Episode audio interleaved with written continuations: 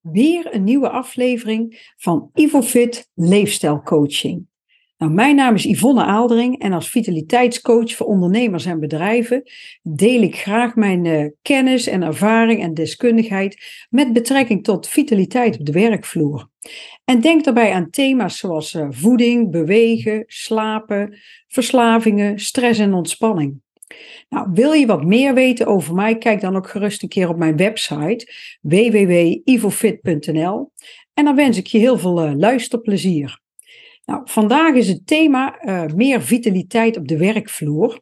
Nou, het is algemeen bekend dat een uh, gezonde en vitale werkomgeving dat dat niet alleen gunstig is voor medewerkers, maar ook voor de organisatie zelf. Medewerkers die zich goed voelen en vol energie zitten, en die zijn gewoon veel productiever en gemotiveerder. En dat komt ja, van alles ten goede. En ik kom zelf bij allerlei soorten bedrijven en ik zie ook echt de effecten als men met vitaliteit aan de slag gaat. Maar dan is de vraag, hoe creëer je nou zo'n werkomgeving? Nou, in deze aflevering deel ik vijf praktische tips voor meer vitaliteit op de werkvloer zodat jouw organisatie kan profiteren van uh, gezonde, gelukkige medewerkers. Ja, en dan is het de vraag van hoe verbeter jij als werkgever of als HR-manager of als teammanager of leidinggevende nou die vitaliteit op de werkvloer van jouw medewerkers? Kijk, en dan kijken we natuurlijk ook of dat het liefst op een duurzame wijze kan hè, en ook uh, voor de lange termijn want dat is wat je graag wil. Je wil graag dingen voor de lange termijn inzetten. Nou, tip 1 is: richt je vooral op gezondheid in plaats van alleen op ziekte. Kijk, in Nederland zijn we vooral uh, reactief bezig met gezondheid. Dat betekent dat onze zorg zich met name richt op het bestrijden van klachten, ziektes. Eigenlijk uh, ja, gebeurt er pas wat als iemand al ziek is. Ik ben zelf heel erg van de preventie. Het probleem is dat je dat dat eigenlijk ook gewoon heel veel geld kost. Zorg en, en, en bedrijfskosten die stijgen alleen maar. Dus voor mij is dat echt een reden om veel meer proactief aan de slag te gaan met je gezondheid en met de gezondheid van je medewerkers. Voorkomen is beter dan genezen. En um, ja, het, het, het kost vaak minder energie, minder tijd, minder uh, geld. Ja, in een, in een organisatie kun je dat realiseren door de eigen regie van de medewerkers te bevorderen. En met regie bedoelen we dat medewerkers zelf hun verantwoording uh, nemen voor hun eigen leefstijl. Ja, en het is ook uit onderzoek gebleken dat juist zo'n preventieve aanpak, dat dat het ziekteverzuim op de werkvloer echt ook uh, vermindert, terug laat dringen. Hè, en dat dat werkt. Dus niet pas in actie komen als het, uh, hè, ik zeg wel eens als uh, het kalf verdronken is, dem men de put. Nee, voorkomen dat iemand ziek wordt of klachten krijgt of minder productief is, minder fit. Want niet iedereen hoeft meteen uit te vallen en ziek te zijn. Maar je hebt soms ook te maken met medewerkers die gewoon minder energiek, minder productief zijn. En ook dat is al een verlies voor de organisatie in, uh, ja, in winst, in productiviteit. en soms gaat het ook ten koste van collega's. Nou, wat heel belangrijk is, en dat is tip 2, breng de huidige situatie in kaart. want waar begin je met vitaliteitsbevordering op de werkvloer? Nou, de allereerste stap is om de huidige situatie in kaart te brengen. een succesvol integraal gezondheidsbeleid, ja, dat is eigenlijk gewoon het algemene trucje wat je toepast en dat is een beleid, dat is uniek voor elke organisatie, want dat is overal verschillend. Dat is altijd maatwerk. wat voor het ene bedrijf geldt, geldt voor het andere niet. Je hebt ook met andere risico's op de werkvloer te maken. ik heb pas bij een bedrijfje een risico-inventarisatie-analyse gedaan en dan breng je ook echt de risico's uh, in kaart. En daarop ga je uh, acteren en ga je een advies voor maken. En daar, gaan, uh, daar gaat het bedrijf mee aan de slag. En dat is juist zo belangrijk, omdat je dan ook dingen kan voorkomen. Dus daar is die risico-inventarisatie-analyse heel erg goed voor. Maar door te begrijpen waar de belangrijkste gezondheidsrisico's liggen en welke ondersteuning er nodig is, kan je ook eigenlijk de juiste acties of strategieën inzetten om die gezondheid en die vitaliteit van werknemers te bevorderen. En die interventies, hè, of die onderdelen waar je dan mee aan de slag gaat, die zijn dan vaak ook specifiek gebaseerd op de cijfers van de eigen organisatie. En je gaat kijken hoe dat je die cijfers in positieve zin ja, kan gaan beïnvloeden. en zo heb je allerlei uh, data gedreven ehm, uh, cijfers hè, die uh, je mee kan nemen in je sturing. Hè, je hebt HR Analytics, hè, um, dat is heel waardevol, hè, want die geven allerlei um, ja, indicaties voor het gezondheidsbeleid. Nou, heb je nog geen data, begin dan in ieder geval allereerst, hè, dat is stap 1 dan, met die dataverzameling.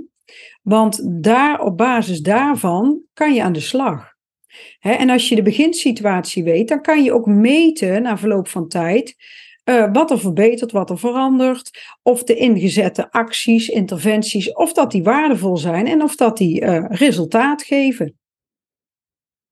En dat moet je natuurlijk ook wel op termijn zien, want um, veranderingen inzetten in een organisatie kost tijd. Dus geef het ook zeker de tijd. Het is nooit een, uh, een snelle fix show, een quick fix. Um, ja, dingen kosten tijd om te verbeteren en te veranderen. Nou, tip nummer drie is: doe een gezondheidscheck. om de vitaliteit op de werkvloer te verbeteren, zul je moeten achterhalen welke aanpak het beste aansluit bij jouw organisatie. Ja, en daarvoor is het raadzaam om een gezondheidscheck uit te voeren onder jouw medewerkers. uit onderzoek blijkt dat door het uitvoeren van die persoonlijke gezondheidscheck, en dat kan je dus uh, jaarlijks doen, we zien dat daardoor het verzuim met 20% kan dalen per jaar. Dus daar zijn best wel uh, flinke cijfers. Nou, zo'n gezondheidscheck die, uh, die hoeft helemaal niet ingewikkeld te zijn. He, er bestaan ook allerlei apps die de gezondheid van medewerkers goed meten. Uh, je kan er de vitaliteitscoach voor inzetten. Ik meet vaak ook allerlei um, waardes bij iemand, waardoor je weet um, wat de, de situatie is. Maar, um, en dan kan je daar vervolgens mee aan de slag. En je hebt er echt niet altijd een arts voor nodig. Hè? Maar um, ja, mijn ervaring is dat het wel heel veel inzicht geeft, maar ook heel veel richtlijnen um, ja, om mee aan de slag te gaan. Nou, wat ook heel belangrijk is, is communiceer gericht en effectief. Het is natuurlijk heel belangrijk als je iets in gaat zetten dat het gedragen wordt door medewerkers. Dus dan is het ook heel belangrijk dat je daarover gaat communiceren, dat medewerkers bewust worden van het belang van gezondheid op de werkvloer. maar het helpt hen ook begrijpen waarom dat je met een bepaald gezondheidsbeleid aan de gang gaat en waarom het belangrijk is voor hun welzijn en productiviteit. En ik zeg altijd, het mes snijdt aan twee kanten. Want je snapt wel als een medewerker gezonder wordt of fitter, hè, zijn, zijn uh, welzijn verbetert. Daar heeft die persoon niet alleen op de werkvloer profijt van, maar ook privé uiteraard. Dus um, hè, daar is iedereen bij gebaat. Nou, en de juiste communicatie kan medewerkers ook aanmoedigen om gezondere gewoontes aan te nemen bijvoorbeeld uh, persoonlijke adviezen die voortkomen uit zo'n gezondheidscheck. Of überhaupt het deelnemen aan een gezondheidscheck. dat heeft vaak al een, um, ja, een bewustwording, uh, brengt dat met zich mee. En ja, dat, je merkt dat dat al een stimulans kan zijn. Maar dat bereik je alleen als de motivatie hoog genoeg is. En daarvoor moet je echt medewerkers betrekken bij dit proces en communiceren en motiveren. Nou, hoe kun je medewerkers het beste motiveren? Ja, dat, die sleutel daarvoor ligt echt in de communicatie. Geen medewerker is hetzelfde. Dus zoek daarvoor van tevoren uit waar jouw medewerkers, waar je ze mee aanspreekt en wat hun energie geeft. En, ja, en benadruk dat. Maar zoek ook uit waar mogelijke weerstanden liggen, want dan kunnen deze worden weggenomen of hè, met, met gerichte communicatie. En denk daarbij aan bijvoorbeeld de angst wegnemen over de privacy. Want um, als er angst in deze in het geding is, dat kan mensen echt weerhouden om ergens aan mee te doen. En als jij dan aangeeft dat een aantal gegevens niet naar de werkgever gaan, dat er een AVG-wet is, dan kunnen mensen veel meer vrij uit deelnemen en dingen delen. Um, uitleggen wat de meerwaarde is om deel te nemen. Hè? Dat mensen er zelf ook gewoon bij gebaat zijn. Hè? En dat het, uh, ja, het mes op meerdere kanten snijdt. Daarnaast is het ook het verhogen van kennis. Als men niet weet van het bestaan van een gezondheidscheck, ja, dan is het goed om mensen daarvan op de hoogte te brengen. Want dat men het überhaupt weet. Nou, en hoe doe je dat? door, ehm, nou, je kan als je een WhatsApp groep hebt, dan kan je er een berichtje in zetten. Bijvoorbeeld, hoi allemaal, ik wil jullie even eraan herinneren dat we de komende periode aan de slag gaan met onze gezondheid op kantoor. Om een goede basis te leggen, kunnen jullie allemaal kosteloos een persoonlijke gezondheidscheck doen. Uiteraard kies je zelf of dat je mee wil doen of niet. Maar hoe mooi is het om dit met z'n allen te doen? Jullie krijgen een uitnodiging in de mail. Nou, en ehm, of je kan bijvoorbeeld ook via de mail of in een nieuwsbrief kan je het aankondigen. Je kan het in de teamvergadering bespreken. Er zijn natuurlijk allerlei communicatiemiddelen. Hè, dat verschilt per bedrijf. En um, ja, maak daar gebruik van. En uh, vaak is het ook belangrijk om het niet één keer te vernoemen, maar een paar keer. He, dat mensen eraan kunnen wennen, dat het kan beklijven. He, dat mensen um, ja, echt um, voelen wat er gaat gebeuren. Nou, stap 5 is, of tip 5, is nudge medewerkers richting gezonde keuzes. En nudging, hè, dat is het Engelse woord, is een, motivatietechniek waarbij het gedrag van mensen op een uh, voorspelbare manier wordt beïnvloed door ze onbewust of ongedwongen te stimuleren tot het maken van een bepaalde keuze. En um, jij bepaalt vaak de keuzes. Hè, en in dit geval ga je dus aan de slag met vitaliteit, gezondheid. Maar zo'n kleine interventie, die kan al zorgen voor een gedragswijziging. En vrij vertaald betekent eigenlijk nudge, betekent een duwtje geven. en door middel van verschillende nudging technieken geef je mensen eigenlijk gewoon een zetje richting het gewenste gedrag. Nou, en wat is daarbij een voorbeeld? En nudging wordt echt heel veel gebruikt, ook bij kinderen, hè, om ze op te voeden, om ze gewenst gedrag aan te leren. Maar ook volwassenen zijn daar erg bij gebaat en gevoelig voor. Want hoeveel mensen vinden het niet lastig om bijvoorbeeld met hun uh, gezondheid aan de slag te gaan, met hun voeding, met meer bewegen en hebben dan echt een duwtje nodig, een stimulans.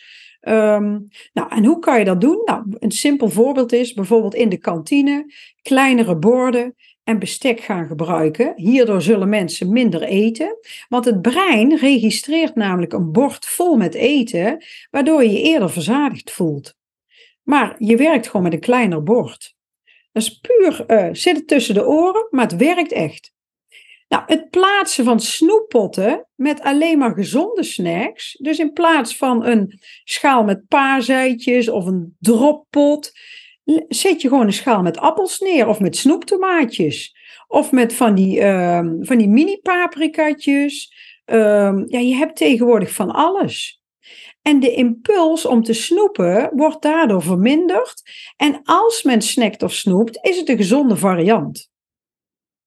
Dus dat zijn wat tips die je kan inzetten op de werkvloer om meer vitaliteit binnen jouw bedrijf uh, ja, te bewerkstelligen. Nou, ik hoop dat uh, deze tips uit deze aflevering, dat die nuttig waren.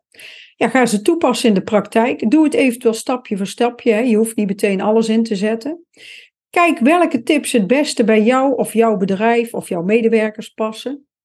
Nou, graag wil ik je bedanken voor het luisteren naar deze aflevering van IvoFit uh, Vitaliteitscoaching. Nou, als je geen één aflevering wil missen, hè, wat ik uiteraard hoop, uh, ja, vergeet dan niet om je te abonneren op mijn uh, um, podcastkanaal of op mijn YouTube-kanaal. Uh, mocht je iemand in de omgeving hebben waarvan je denkt, nou, daar zou deze tips ook heel zinvol voor zijn, deel dan gerust ook mijn afleveringen of andere afleveringen in je netwerk. En um, ja, ik zou zeggen graag tot een volgende keer.